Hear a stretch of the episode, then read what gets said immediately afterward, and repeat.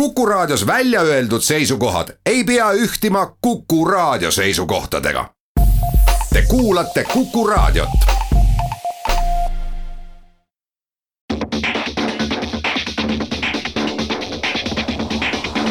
autotund. see on saade sulle, kui sul pole päris ükskõik, millise autoga sa sõidad. tere kuulajad autotund on taas eetris, stuudios täna kolm inimest. Tarmo Tähepõld, Henrik Roonemaa Geenius uudisteportaalist ja Arno Sillat, Amtel, auto, põhimõtteliselt automüüjad ja kõik sellega seonduv. pärast täpsustan seda nime. saates räägime Eesti aasta auto, finalistid on valitud, räägime diiselkütusest, mis on põhimõtteliselt taastuvener-, taastuvvahenditest toodetud. tõukerattad kaovad linnast, aga asemele tulevad autod. veel Oktoberfestist ja Teslast ja veel asjadest. ja siis Arno Sillatiga räägime sellest, uutest autodest ja vanadest ja mis üldse Eesti autoturul on hästi ja mis on halvasti. autotunnile annab hoogu Subaru Foresteri laomüük Marine autos. nii, Eesti aasta auto finalistid, kas te olete kursis, kes need kuus on? sa õnneks andsid meile nimekirja ette, nii et ma nüüd, nüüd ma olen kursis äh, ütlen kiiresti kuulajatele ära, elektriauto esimest korda Eesti aasta auto valimise ajaloos on sees Audi e-tron väga levinud ja populaarne elektriauto meil, siis eh, BMW kolmas seeria, Kiia X-Ceed, Mazda kolm, Renault Clio ja Toyota RAV4, nii, kas on üllatusi? ma just tahtsin küsida, et eh, mina kui mitte igapäevaselt autodega tegelevat küsin teie käest, et kas on üllatusi? nii, eh, mina olen üks žürii liige, seal on kakskümmend meile anti ette nimekiri see aasta, nagu ta on. Ehm, piiriks on see Tartu Motoshow, enam autod, mis on Tartu Motoshow'ks esitletud ehk siis eelmise aasta motoshow'st alates kuni tänaseni. Äh, neid on ligi nelikümmend autot, nad peavad olema ka Eestis esindatud, see, et kuskil äh, avalikustati uus Ferrari, et see ei loe. ja siis äh, sealt kakskümmend autoajakirjanikku panevad kokku oma top kümne, millest omakorda kujuneb välja top kuus. ja võin öelda, et sellest kuuest on sees minu äkki neli lausa nii et sa esindad äh, keskmist maitset üle keskmise hästi. ja seal ei ole see, seal ei ole reglementi, seal ei ole võistlusel reglementi, kus sa paned autodele punkte, et hind, kvaliteet, see on selline tunnetuslik, mis ongi hästi raske oli valida, et noh, valida ühest küljest auto, mis on millegi poolest oluline auto maailmas, noh näiteks Audi e-tron, eks ju, ta mm -hmm. on mhm. selline äge elektriauto, hästi kvaliteetne ja teisalt noh, muidugi sa pead arvestama sellega, et äh, ma oleks võinud sinna kõike panna, Porsche'd ja asjad kirja, aga see ei ole siis enam Eesti aasta auto et mingi aga, selline kesktee. aga ikkagi, kas, kas sinu jaoks on üllatusi siin, kas e-tron näiteks on üllatus? ei, e-tron ei ole üllatus, sest et neid elektriautosid ei tulnud nii palju, arvata oli, et varem-hiljem üks elektriauto peab saama sinna kuute, mitte ei, mitte ei pea, aga, aga lõpuks äh, ta saab sinna. Äh, võib-olla BMW kolmas seeria, sest ta alles nagu tuli ja ta ei ole kuidagi, isegi eestlane, kellel on raha, ta ei osta kolmandat seeriat, ta ostab, äh, ta ostab X3-e. nii viienda, pigem viienda, hinnavahed on küllaltki väikesed täna.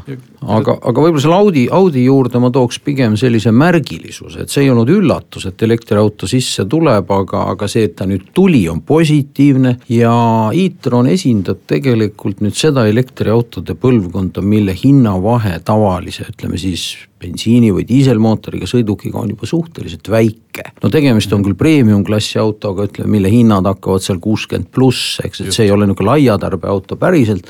aga samas on ta täna vist veel mudeli poolest kõige müüdum elektriauto meil. ei no aga ikkagi ma arvan ka, et kuuekümnega uus Audi saada ja, ei ole ka ei, üldse no, nagu halb, halb tehing. ta on natuke peale. selles mõttes, kui sa võtadki, et suuruse poolest ta ei ole päris Q7, ütleme Q5. ta on kahe vahel. ja, ja kui sa paned sinna Q5, noh, ma tean, et sulle meeldib varustus, mulle meeldib mm. varustus varustus, siis see läheb suhteliselt kindlasti saja tuhande juurde.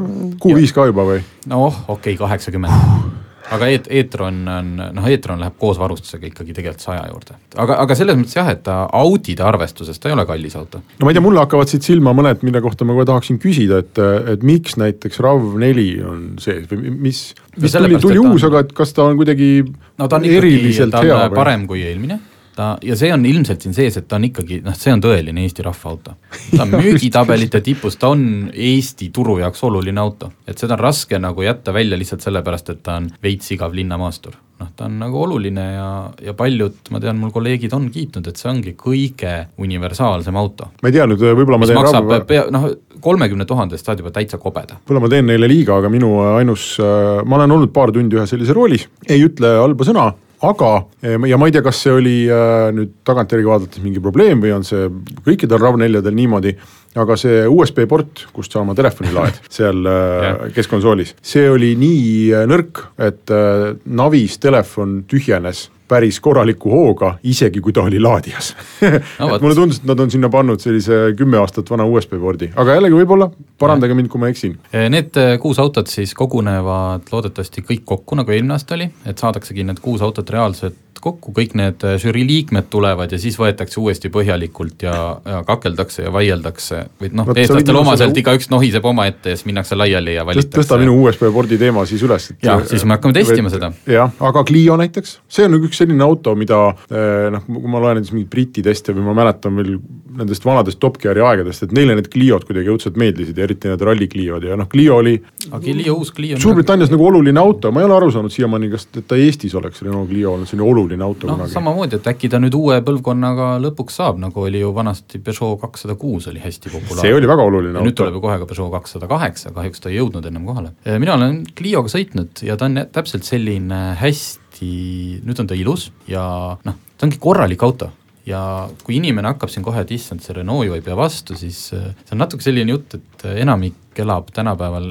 noh, kes Clio ostab nagunii selles viie aasta tsüklis. peale garantiid ta müüb selle kellegi teisele ja siis ei ole noh, siis kellegi teise probleem. teame juba ju, noh, kõik autod peale seda viit aastat, ükskõik, kas ta on Volkswagen või Škoda või, või Clio. või BMW. just, nii et selles mõttes ei ole põhjust mitte Cliot nagu siia lisada, sest ta on ilus ja korralik auto. aga keda siit esile tõsta, ma, ma olen tükk aega mõelnud, et mis on äh, Mazda kolm. et millega Mazda tegeleb tänapäeval.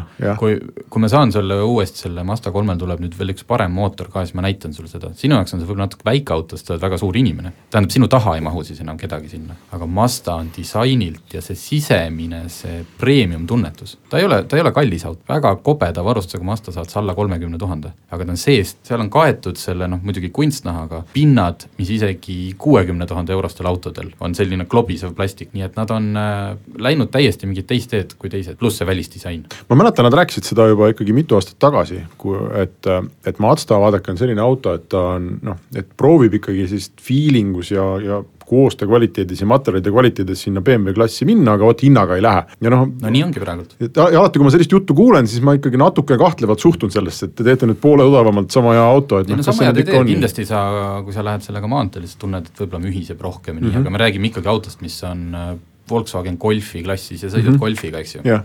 et sul oleks hea võrrelda, ma toon sulle, kui see tuleb meil uuesti testi. no väga hea, olemegi peaaegu kõik läbi võtnud ja Kiia?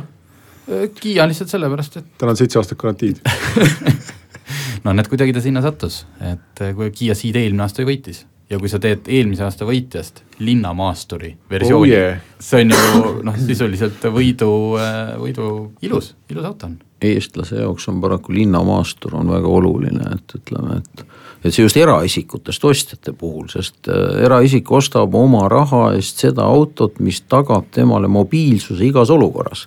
et ta ei pea hakkama mõtlema, et kas ma nüüd saan kartulid ära tuua, kas ma saan oma hobuse ära veetud või kas ma ütleme, saan hommikul äärelinnast ka tööle, sest esimene, kes välja sõidab, täidab saha ülesse mm, -hmm. reaalselt. ja pluss siis see, mida mu kõik erinevad kaassaatejuhid, kes mul siin on, äh, tohutud sõidufännid, ei saa aru, et enamikel inimestel absoluutselt nad ei saa arugi, et võib-olla see sõidutunnetus mõttes, et nad istub kõrgel ja see noh, raskuskese, tegelikult on ju kõrgel mugav istuda ja kõrgele autosse on ka mugavam niimoodi, et sa lähed sinna sisse, mitte ei, mitte ei kuku kuskil alla. nii et see on, see on lihtsalt mugav see on iga päev, ma just vaatasin, Ameerikas on nüüd äh, kerkinud üles äh, järjekordne selline rahvaliikumine, mis on siis äh, nende SUV-de ehk siis suurmaasturite vastu linnades. Et, et see on ikkagi meeletult ohtlik, et kui sa noh, kellelegi otsa sõidad, siis kui sa sõidad selle suure maasturiga versus tavalise sõiduautoga, et jalakäijal läheb ikkagi oluliselt kehvemini. Läheb küll jah, aga noh, Kiia, Eesti, Eesti need linnamaasturid ei ole sellised, eriti Kiia X-id ei ole, ta on ikkagi, ta on liht-, noh,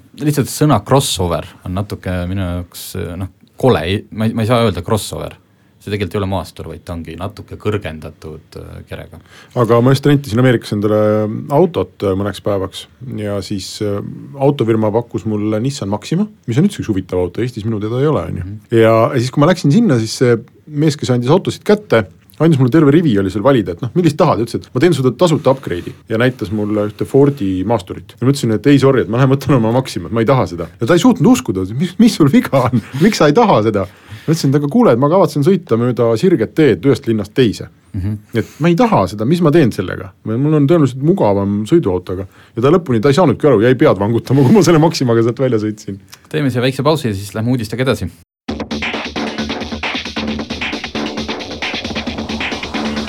Autotund.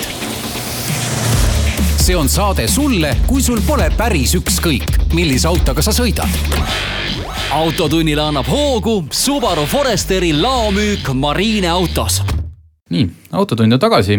Äh, Tallinnas hakati eelmine nädal lõpuks müüma taastuv äh, vahenditest toodetud diislikütust, sada protsenti, mitte biolisandiga. ja kõik, kes seda, selle vastu huvi tunnevad ja tahaks kas või proovi pärast tankida, siis sellega on see hea asi, et sa ei pea minema kuskil mingist tabelist otsima, kas minu autole see sobib. nagu on siin biolisandiga kütuste puhul, see sobib igale diiselmootorile, on ju Arno?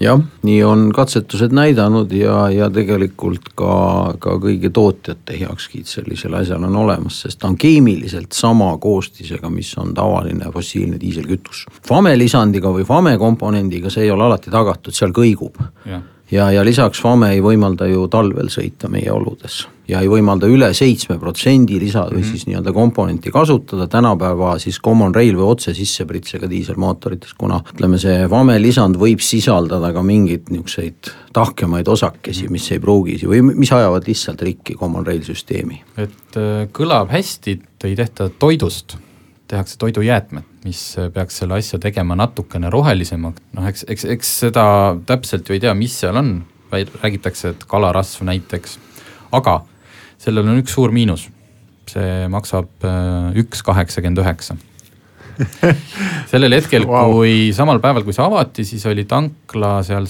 Neste, Neste seda müüb. Äh, tanklas endil tavaline diisel oli vist kolm kaheksa üheksa. Neste Pro diisel, mis on suurema sihukese kvaliteetse biolisandiga, oli üks koma neli kaks midagi, et ta on nelikümmend senti kallim, aga miks see nii on? Selle tootmine eks tema tootmine on kallim jah, sest ega ju vanapaberist toodetud paber on ka kallim, eks mm, -hmm. et, et see on see valikute küsimus, et kui me tahame puhtamat maailma, siis tegelikult me peame selle peale nagu mõtlema. iseasi nüüd, kui palju me kulutame ressurssi selle ümbertöötlemise peale, et ja. see, see on, ütleme, negatiivne. aga noh, samas on ta tegelikult ikkagi lõpptulemus, noh siin selle kütusega nüüd Eestis katsetamise tulemusi veel ei ole teada, aga prodiisliga, kes on sõitnud, ütlevad, et oma vana autoga enne, enne ülevaatust tangivad prodiislit, siis viisteist protsenti on siis mm, biodiiselkütuse komponendi osa ja see on siis ka seesama, sama teise põlvkonna siis mhm. kalarapetest ja millest tehtud, eks HVO, et ütlevad, saavad ülevaatuse probleemideta läbi. okei okay., aga et seda saada siis nüüd tavakasutusse, siis ma ei tea, siis tuleks tal aktsiis ära võtta või? no see oleks tegelikult õiglane, sest kui meil täna biometaanil on aktsiisivabastus, eks meil on roheelektri bio, ütleme aktsiisivabastus. ja nüüd tuleb, ütleme puhas nii-öelda rohekütus, mida me rohekütuseks täna nimetame, mida iganes see ka tähendab. mis ikkagi on toodetud ju tegelikult mitte fossiilsetest allikatest, aga taastuvatest allikatest, see peaks olema samamoodi vaba. ja ilma aktsiisita ta oleks täiesti konkurentsivõimelise hinnaga, nii et siis Eesti riik täidaks ära ka taastuvenergia direktiivi, mida me peame järgmisel aastal täitma, eks kümme protsenti transpordis kasutatavast kütust peab olema toodetud taastuvatest allikatest. see oleks iseenesest päris huvitav, ma ei tea peast, kas sa võib-olla oskad öelda, et kui, kui palju selles üks kaheksakümne üheksas aktsiisi. ma rääkisin seal avamisel Neste inimestega ja nad ütlesid, siis peaks see hind langema umbes ühe koma nelja peale. See on see natuke alla viiekümne sendi on liiter, mis ja on siis. siis ta tuleb selline nõksa kallimaks tavakütusest. just, just jah, selline, et sa nagu oma süda, aga sa saad oma südametunnistust ikkagi palju, palju odavamalt äh, natukene pesta. ma ei tea, kui kaugel see on, ma tean, et on esitatud äh, loomulikult see palve valitsusele, aga noh, need rattad ju jahvatavad nii, nii aeglaselt. ratas ja rattad jahvatavad mis selle Neste, mis nende plaan sellega on, et ta täna on ju, ma saan aru, ühes tanklas kalli hinnaga, et noh, see ei ole selline iga, iga, iga mehe müügitoode kindlasti, eks ole, et seal on, palju on sellist äh, suunanäitamist ja turundust kindlasti sees, et kas, kas mõte on selles, et ta, ma ei tea, aasta jooksul ongi igas tanklas ja see hind tuleb alla. kindlasti, kindlasti saab ka tootmist efektiivistada. teda isegi ei ole Soomes igas tanklas, need on äh, üksikud noh, teatud kohad, kus saab ja tihti on ta sealt ka otsas, sest et noh, seda ei ole nii lihtne toota. aga ilmselt ta on vaikselt, kuidas see on, tilk tilga haaval kivisse uuristada, et see on nagu elektriautodega, et äh, noh, keegi peab selle esimese laadija püsti panema. ega ennem keegi elektriautot ei osta ja siis keegi paneb selle teise laadija ja loodetavasti ta nii läheb aga kuniks jah, selles mõttes mingeid aktsiisierisusi ei tule, siis on see noh, ilmselgelt turundusprojekt, et neid inimesi, kes lähevad üks kaheksakümne üheksa eest tangivad, sest nad tahavad olla nii, ma arvan, et sealt läheb enamike inimeste soov maailma päästa. ja, aga inimeste kõrval on olemas ka ettevõtted ja, ja, ja ma kujutan ette, et, et võib olla suuri ettevõtteid, kelle jaoks nende ökoloogiline jalajälg on tähtis ja noh, kes, kes võivad oma masinapargi väga suures ulatuses sellist tüüpi kütusele üle viia ja makstagi seda preemiumit ja noh, siis kasutada, et see tekib see turunduslaine, et siis ta, nemad kasutavad seda seal oma oli, turunduses jälle omad, omakorda. ettevõtted kohal, Ramirent oli, äh, Rahvusooper Estonia, ma ei tea, kas nemad hakkavad seda kallist kasutama äh, Nendel üks, on ilmselt mingi koostööprojekt Nestega, ma sain üks aru. üks ettevõte oli veel, keda ma praegu kahjuks ei, ei mäleta nii et no, on jah, loodame, et siis äh, minge proovige kõik vähemalt üks paagiteis ära, äkki hakkab meeldima. ja saate, ja saate rattale kirjutada, et seda nüüd tuleks, seda aktsiisi asja tuleks vaadata küll. ma mõtlesin autoratta peale panna mingi kleepsu, eks ole kirjutasin rattale, aga ei tea, kui suur Neste võimekus seda üldse toota on, et noh, kui see nüüd päriselt näiteks olekski nii, et ta tuleb tavalise diislikütusega samasse hinda inimesed tahavad seda hakata kasutama. et palju neid kalarappeid meil siis nüüd on maailmas? maailmas on neil päris mitu tehast, ma olen Soomes käinud tehases kohas, neil on Singapuris suur äh, tehas, et noh, eks seda võimsust sellest oleneb ka, et noh, kas nad äh, investeerivad sinna juurde või, või siis tundub, et inimesed ei taha ikka seda ja, ja ei investeeri. Soomes see osakaal vähehaaval kasvab, sest Soomes on ikkagi see rohekett, et ütleme mm -hmm. nii-öelda tarnija võtab transpordiettevõttelt, kes veab roheliselt mm -hmm. noh, täna meil ikkagi, meie, meie turul on see niisugune, ütleme, hinnavõitlus ja veavad Läti ja Leedu veokad, mis on euro nullid ja sinnakanti, eks, mis on tegelikult saastavad juba oma olemuselt ja loomulikult nad ei võta kallist kütust sisse. nii, kuna ma lubasin saate alguses palju teemasid, siis ma nüüd kappan siit äh, mitmest ise üle, väga siin midagi küsida ju ei olegi ja sõna võtta, näiteks äh, see, et väljas on õudne ilm.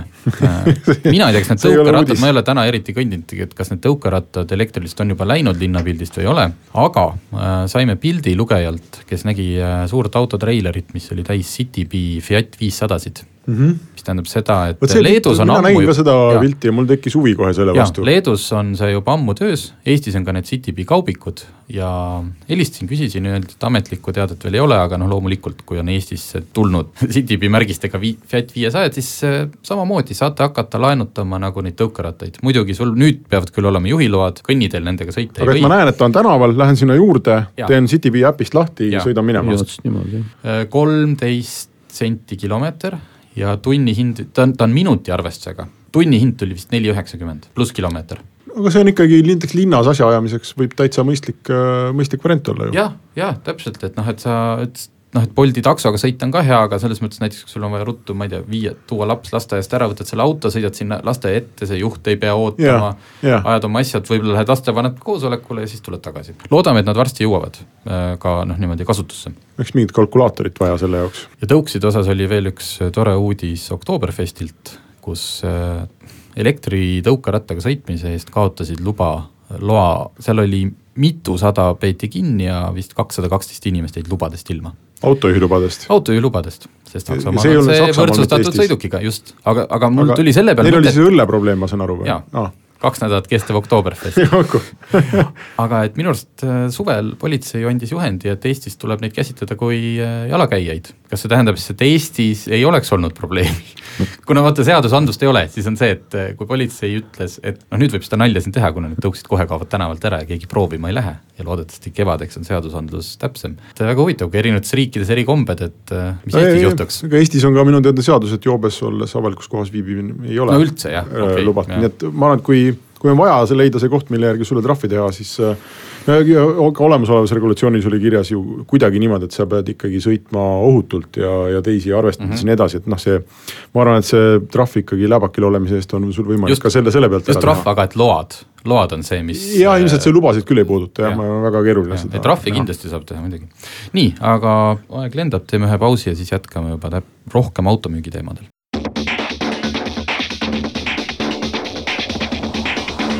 Autotund. see on saade sulle, kui sul pole päris ükskõik, millise autoga sa sõidad. autotunnile annab hoogu Subaru Foresteri laomüük Marine autos. autotund tagasi, üks uudis, mis eelmisest plokist jäi välja, aga sobib siia hästi.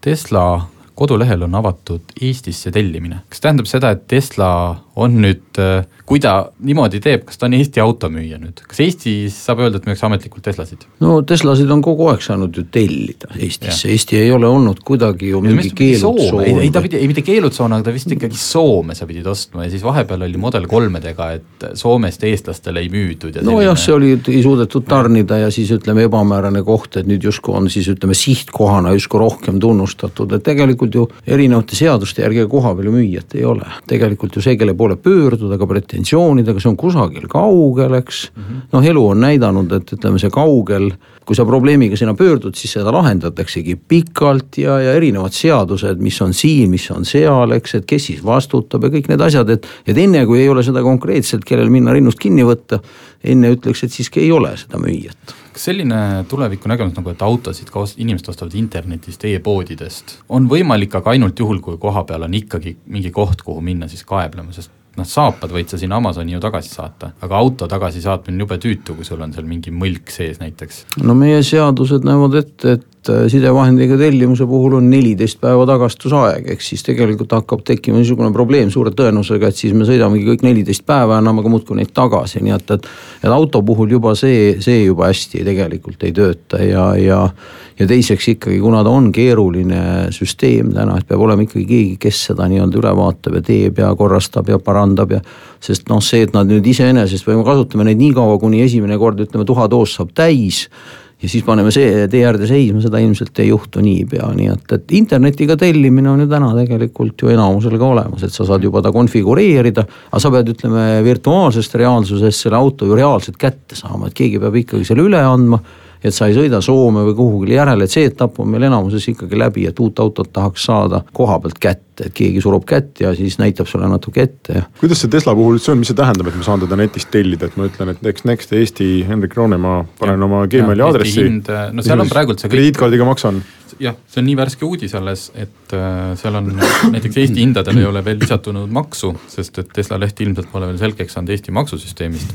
aga tegelikult on niimoodi, et seal on praegult märge, et äh, delivery ehk siis kätte saada early kaks tuhat kakskümmend ehk siis kaks tuhat kakskümmend. no see on juba kohe. just mm, -hmm. tegelikult saab neid autosid kiiremini, praegult seal ei ole niimoodi, et autosid suudetakse toota või neid ei ole pigem on see, et vihjatakse, kõlakad käivad foorumites nagu internetis ikka et kevadel tegelikult tuleb Eestisse nii-öelda delivery esindus, vähemalt sellel tasemel. et ongi tule... mingi maja, kust antakse sulle üle nagu, nagu Arno ütles. mingi, mingi inimene ikkagi sulle selle võtme annab, kellega saad seal rääkida ja pabereid vahetada, et ei tule küll hooldust ilmselt see jääb äh, Soome, aga no see kõik on selline, et nagu Tesla puhul vaata, Tesla on selline ettevõte, kes ei, ei anna nagu teada asju enne, kui nad on teada. aga kuidas sellisel puhul näiteks liising käib, huvitav?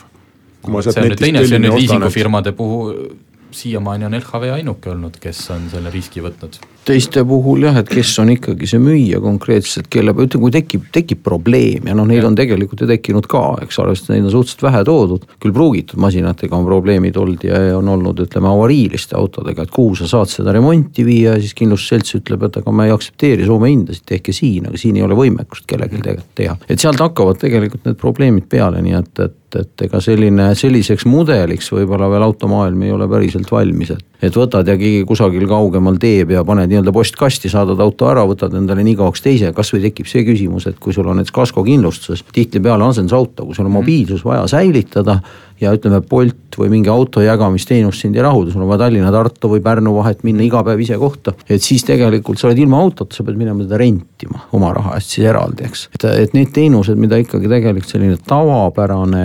esindussüsteem pakub, et, et seda Teslal täna ei ole. ja, ja kõik need teeninduspunktid ja vot see on tegelikult see, mis maksab ju ka ääretult palju raha et sa leiad kellegi, kes ütleme selle olematu müügi pealt või nende väheste autode pealt on valmis investeerima service'isse. noh, võib-olla kellegi kõrvalt, aga Tesla tahab olla omaette, nad ei taha kellegagi, ütleme noh, ma ei tea, Kiia või Mercedesega koos ühes majas olla, et. et sealt tuleb juba probleem, et väiksemas kohas Eestis ei olegi mõeldav seda teha, sest sa lihtsalt ei ela. aga kui üks äh, nüüd tuleb see elektriautode toetust plaanitakse, mm, valmistatakse eelnõud ette, praegult huvigruppe kaasatakse ja seal oli tingimus, et see auto ei tohi olla kallim kui viiskümmend tuhat sinna alla Model kolm juba läheb, selles mõttes ta jääb alla viiekümne tuhande. aga teine oli, et äh, peab olema Amteli liige, et noh, see ei ole veel seadusesse raiutud, aga mis selle, kas. ei pea olema liige, peab olema Amteli poolt äh, tunnustatud, nii-öelda tunnustatud automüüja. okei okay see on nüüd see, et liikmelisusega ta ei ole kuidagi okay, seotud. aga kas Tesla no peab, siis peab olema mingi auto... kehand kes okay. siis ühesõnaga seda tunnustamise läbib, sest Amteli liige saab olla ka mitte Eesti ettevõte mm. -hmm. meil on see sisse viidud, kuna paljud maaletoojad asuvad, kes Poolas, kes Soomes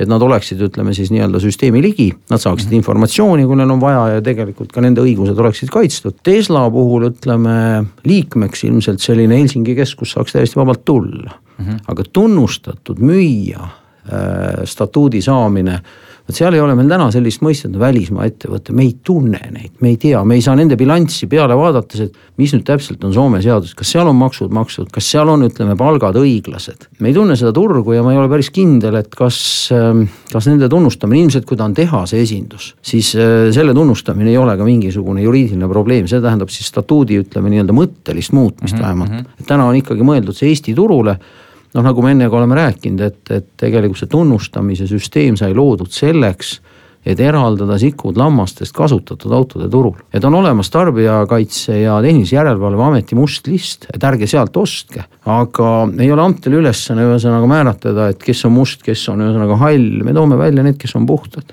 -hmm. et kus kantakse vastutust, nii et kasutatud autode turult välja kasvanud asi on täna nüüd jõudnud, jõudnud nii-öelda riigi tähelepanu alla et see on üks võimalus nii-öelda eraldada, eraldada nagu korrektsed ja tõsised tegijad nendest, kes võib-olla noh, siin proovivad elektriautod on kusjuures proovitud ka, ütleme, siin on saadud toetusi kätte ja tehtud need naljakad, need prantsuse ümmargused punnid.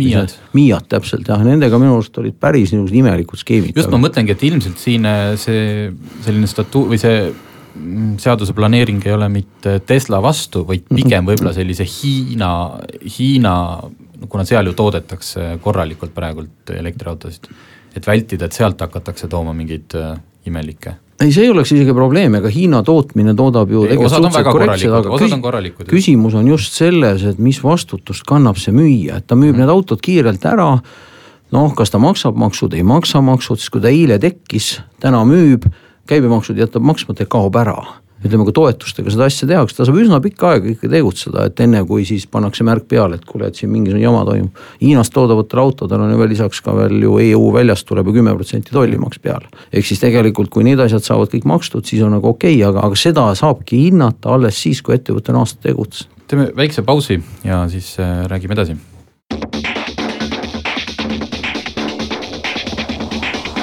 autotund see on saade sulle, kui sul pole päris ükskõik, millise autoga sa sõidad.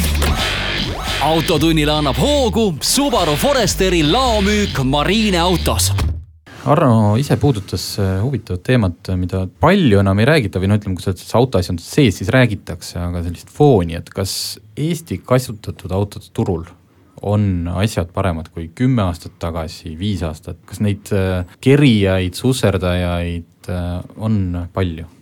No ma hakkaks niimoodi peale, et kümne aasta telg, see on siis ütleme kaks tuhat üheksa, sellega võrreldes on eelkõige parem on maksukäitumine. sest kui kaks tuhat kaksteist hakkas Amtel koostöös Eesti ametitega korrastama turgu, noh siis selgus, ütleme analüüsidest, et vähekasutatud autode peal skeemitamisega riik kaotab umbes viiskümmend miljonit eurot aastas ja skeemid väga lihtsad, ühesõnaga Euroopast tuleval autol siis pestakse käibemaks maha, müüakse netoga, et ühesõnaga nii-öelda korralikud müüjad käibemaksuga autost müüa ei saa ja noh, kõik sealt edasi, ühesõnaga nii-öelda kett läheb käima ja see võttis aega üks paar-kolm aastat, et tänasel päeval on maksuametil tänu sellele olemas võimekus autosid hinnata juba nii-öelda enne sissetulemist ja, ja maksude osas ütleme erilist okay. probleemi ei ole. oota, see tarbijat väga ei puuduta just tarbija poole pealt no,. kas mul puudutab... on, kas mul on äh, tänapäeval reaalne võimalus saada kõvasti tünga. no kunas, kunas sa lugesid, Tarmo, viimati uudist, et äh, ostsin auto no see on ühe oli korralik, aga üks teatud mina lugesin paar päeva tagasi. üks teatud plats on selline, mis äh, nendest autofoorumitest käib läbi või ettevõte, kes ostab inimestelt äh, sisuliselt tasuta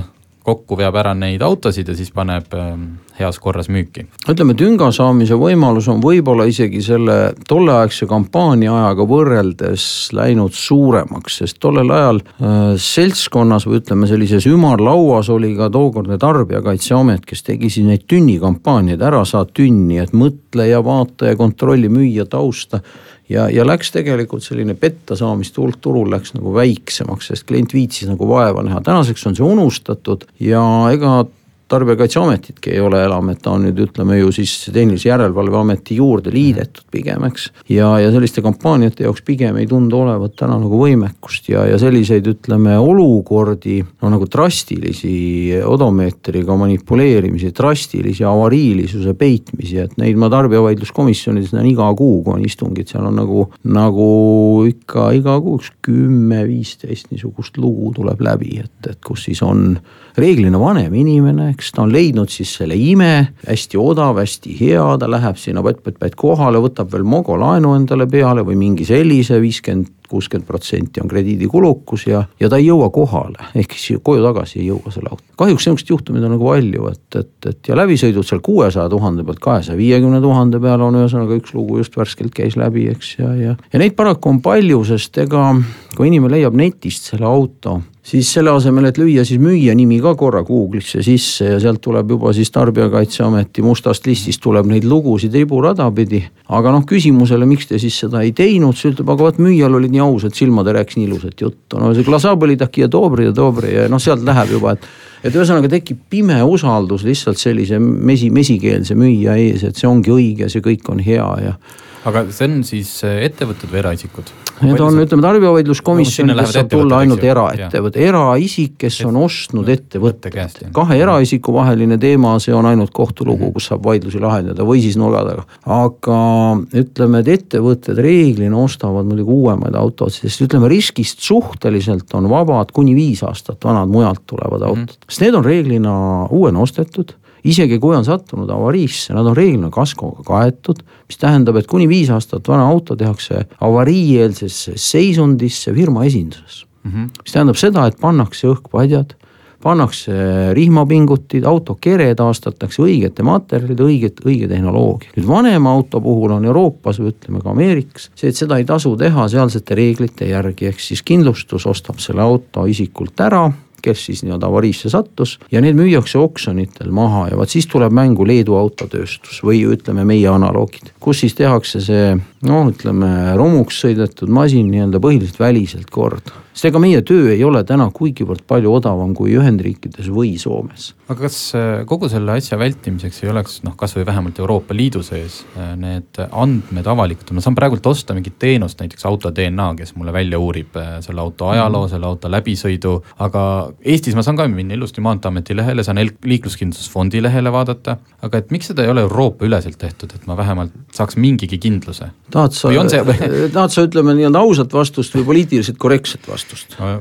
ma ei tea, võtame ausa seekord. aus vastus on see, et tegelikult suured tootjamaad on huvitatud, vanad masinad sealt ära voolavad. Nendel on vaja uusi peale müüa, selles mõttes, äh, seda väga selgelt tunnetasime ka siis, kui oli see maksuameti koostöö, ütleme, nad uurisid nii-öelda kuidas äh, Hassan Muhamed on müünud, ütleme aasta vana S-klassi ilma käibemaksuta siia, ütleme meie meie siis ülesostjale ja, ja umbes analoogilisi lugusid ja ega Saksa maksuamet nüüd ülemäära koostööaldis ei olnud, eks nad muidugi konkreetsele küsimusele vastasid konkreetselt. Nendel on vaja neist autodest lahti saada, täna on veel keskkonnaprobleem tuleb lisaks, ütleme sellele. et, et CO2 heidud on kõrged, eks ütleme Pariisis diiselautoga või vanema diiselautoga juba täna teatud piirkondades ei sõida. Nendest on vaja lahti saada ja vot Ida-Euroopa on see kutsuv maa, kuhu neid on hea siis noh, ma ei saa öelda riiklikul tasemel mitte lükata aga, aga kuna mitte hinnad takistada. on paigas, mitte takistada täpselt, et ühesõnaga mitte seal kohapeal viia käitlusse, aga suunata see siia, võtta veel täisraha, müüa veel varuosad. ja vot siis on meil kaelas CO2 ja meil on kaelas ELV tasemel auto, siis end of life week. kas meil on äh, autopark äh, jätkuvalt liiga vana? Äh, vanus ei ole probleem tegelikult, ütleme, et kui meil oleks Eestis tekkinud park, mille vanus on kuusteist aastat, me teame ütleme üheksakümne kaheksa protsendi auto ajalugu, on olnud avarii, ei mm -hmm. ole mhm. olnud avarii, mismoodi on taastatud, mismoodi on hoolduses käinud, siis see tegelikult ei oleks probleem, siis saab inimene osta õiglase hinnaga. probleem on selles, et vanu voolab kogu aeg peale, mille sissetoomine ei tasu muidu väga ära, kui sa pead manipuleerima kuni viis aastat vanade autode koha pealt ei ütle midagi, need uuendavad natukene siiski parki, aga üle viie aasta vana, ütleme statistika näitab, et iga kümme aastat vana sõiduauto on sattunud korra avariisse. mõni rohkem, mõni vähem, Eestis see peab täiesti paika. meil on kuussada tuhat liikuvat autot, meil on kolmkümmend tuhat õnnetusjuhtumit, enamuses kahe auto. ehk siis iga auto käib nii-öelda tsükli korra läbi, kui see käib uue autona, firma esindus, kui see käib vanana, vot siis hakkab ostjana juba uurima, et kus tehti korda, kas pandi õhkpadjad. ja ma mõtlen seda ise ka aeg-ajalt käin ja vaatan, et kas peaks autot vahetama ja siis ma käin äh, mõnes kuulsas saksa portaalis, et siis sa otsid need filterdatud autod välja, mis sa tahad ja siis seal all lõpus on alati on see valik, et äh, full service history. ja siis, kui ma seda vajutan, siis isegi nagu uute autode puhul, ma otsin mingit paar-kolm aastat vana autot, kui ma vajutan selle full service history lip, linnukese sisse, siis päris suur osa neid autosid kaob puh, lihtsalt ära. ja siis ma mõtlen, et kuidas see on võimalik, et ma otsin kaks aastat vana autot ma tahan saada full service history't ja mul lihtsalt mingi neljandik autosid haihtub praegu õhku, kui ma, kui ma seda nõuan. peaks ju olema, nendel autodel peaks olema sisuliselt sajaprotsendiline. no tegelikult ei ole, et eks, eks eks see hakkabki kinni sellest, kes on siis see ostja, mis viisil ta seda kasutab tegelikult, et eks ju, eks ju äh, petetakse ka sellega, et käiakse hoolduses tegelikult peale seda, kui on vahepeal tagasi krotitud, ühesõnaga nii-öelda odomeetri näite mm, -hmm. eks ja autod kleebitakse üle ja siis võetakse enne müümist kleepsud maha ja pannakse uued istmekatted ja käigu või siis valitsanupud ja auto näebki välja nagu uus, aga tegelikult on sõitnud nelisada tuhat kilomeetrit, eks, et mm, -hmm. et, et see, see arsenal on hästi rikkalik, nii et, et, et, et põhimõtteliselt, kui seda ajalugu ei ole, et see juba tegelikult on, on sihuke häirekell, juba on ohumärk jah ja., sest sest miks sa peaks seda kuidagi peitma, see tähendab seda, et sa ei ole käinud mm, -hmm. sa ei ole käinud seal, kus tegelikult on on soovitav käia ja mis tegelikult selle auto hinda hoiakski justkui üleval, et, et sul on lugu teada, mis on sellega tehtud mismoodi avarii tagajärjed kõrvaldati, noh, kas on hoolduses kogu aeg käidud või ütleme siin noh, keerulisemate autode puhul nagu CNG autod, seal on see paakide küsimus, mis vahepeal siin ka probleemi ju Eestis mm -hmm. tekitas, eks, et tulevadki sisse autod, mis on jõudnud oma lõpuni seal enam korda ei tehta oma asukohamaal ja vot siia tulevad siis, siin on heausked ostjad, kes tegelikult ei tea, mis nendega juhtuda võib. ja arvavad, et saavad hea diili no nii neile alati räägitakse jah ja kahjuks on saateaeg läbi, alati sellistel hetkedel tahaks jätkata. küsin ainult ühe asja veel, et kas Eesti autoturul on praegult seis hea no,? või ütleks... kas ma, kas, kas Henrik võib jätta Saksa portaalid vaatamata ja osta Eestist? Selles mõttes on hea, et meil on väga suur valik, meil on seitsesada kuuskümmend tuhat sõiduautot valida, ühesõnaga, mis meil on täna siin, et. sõidavad on, ringi Eestis jah? Äh, ringi sõidavad nendest umbes niisugune viissada viiskümmend, kuussada tuhat, eks ütleme. kus siis kakssada on? kakssada on siis ütleme olemas, äh, osa ei ole olemas, nad on lihtsalt registrikanne, autod on kas müüdud ära või ütleme, loodus on võtnud oma. mul on küll paar sõpra, kellel on kuus, kellel on kuus autot. Äh, teiseks on need, mis on, ütleme hobiautod, et on inimesi, kellel hobiautos autosid on hulgaliselt, nad tulevad alalisse registrisse või põhiregistrisse tagasi siis, kui inimene soovib nendega sõita, ehk suvel mõneks nädalaks, muul ajal, et vältida liikluskindlustuse fondi koputust uksele, siis nad võetakse peatatud kandega registrisse ja, ja nad rahulikult seal istuvad, eks neid on võib-olla mingid mõned kümned tuhanded selliseid autosid. arvatakse, et ütleme, mitteolevaid autosid on ka kolmkümmend tuhat, nii et ühesõnaga tegelikult ikkagi see kuussada tuhat autot on olemas ja, ja, ja ei pea kogu aeg välismaalt tooma, nii et, et selles mõttes on, on hästi. Nii et otsi Eestist, selge, aga sellega saade läbi ja kohtume järgmine nädal, aitäh.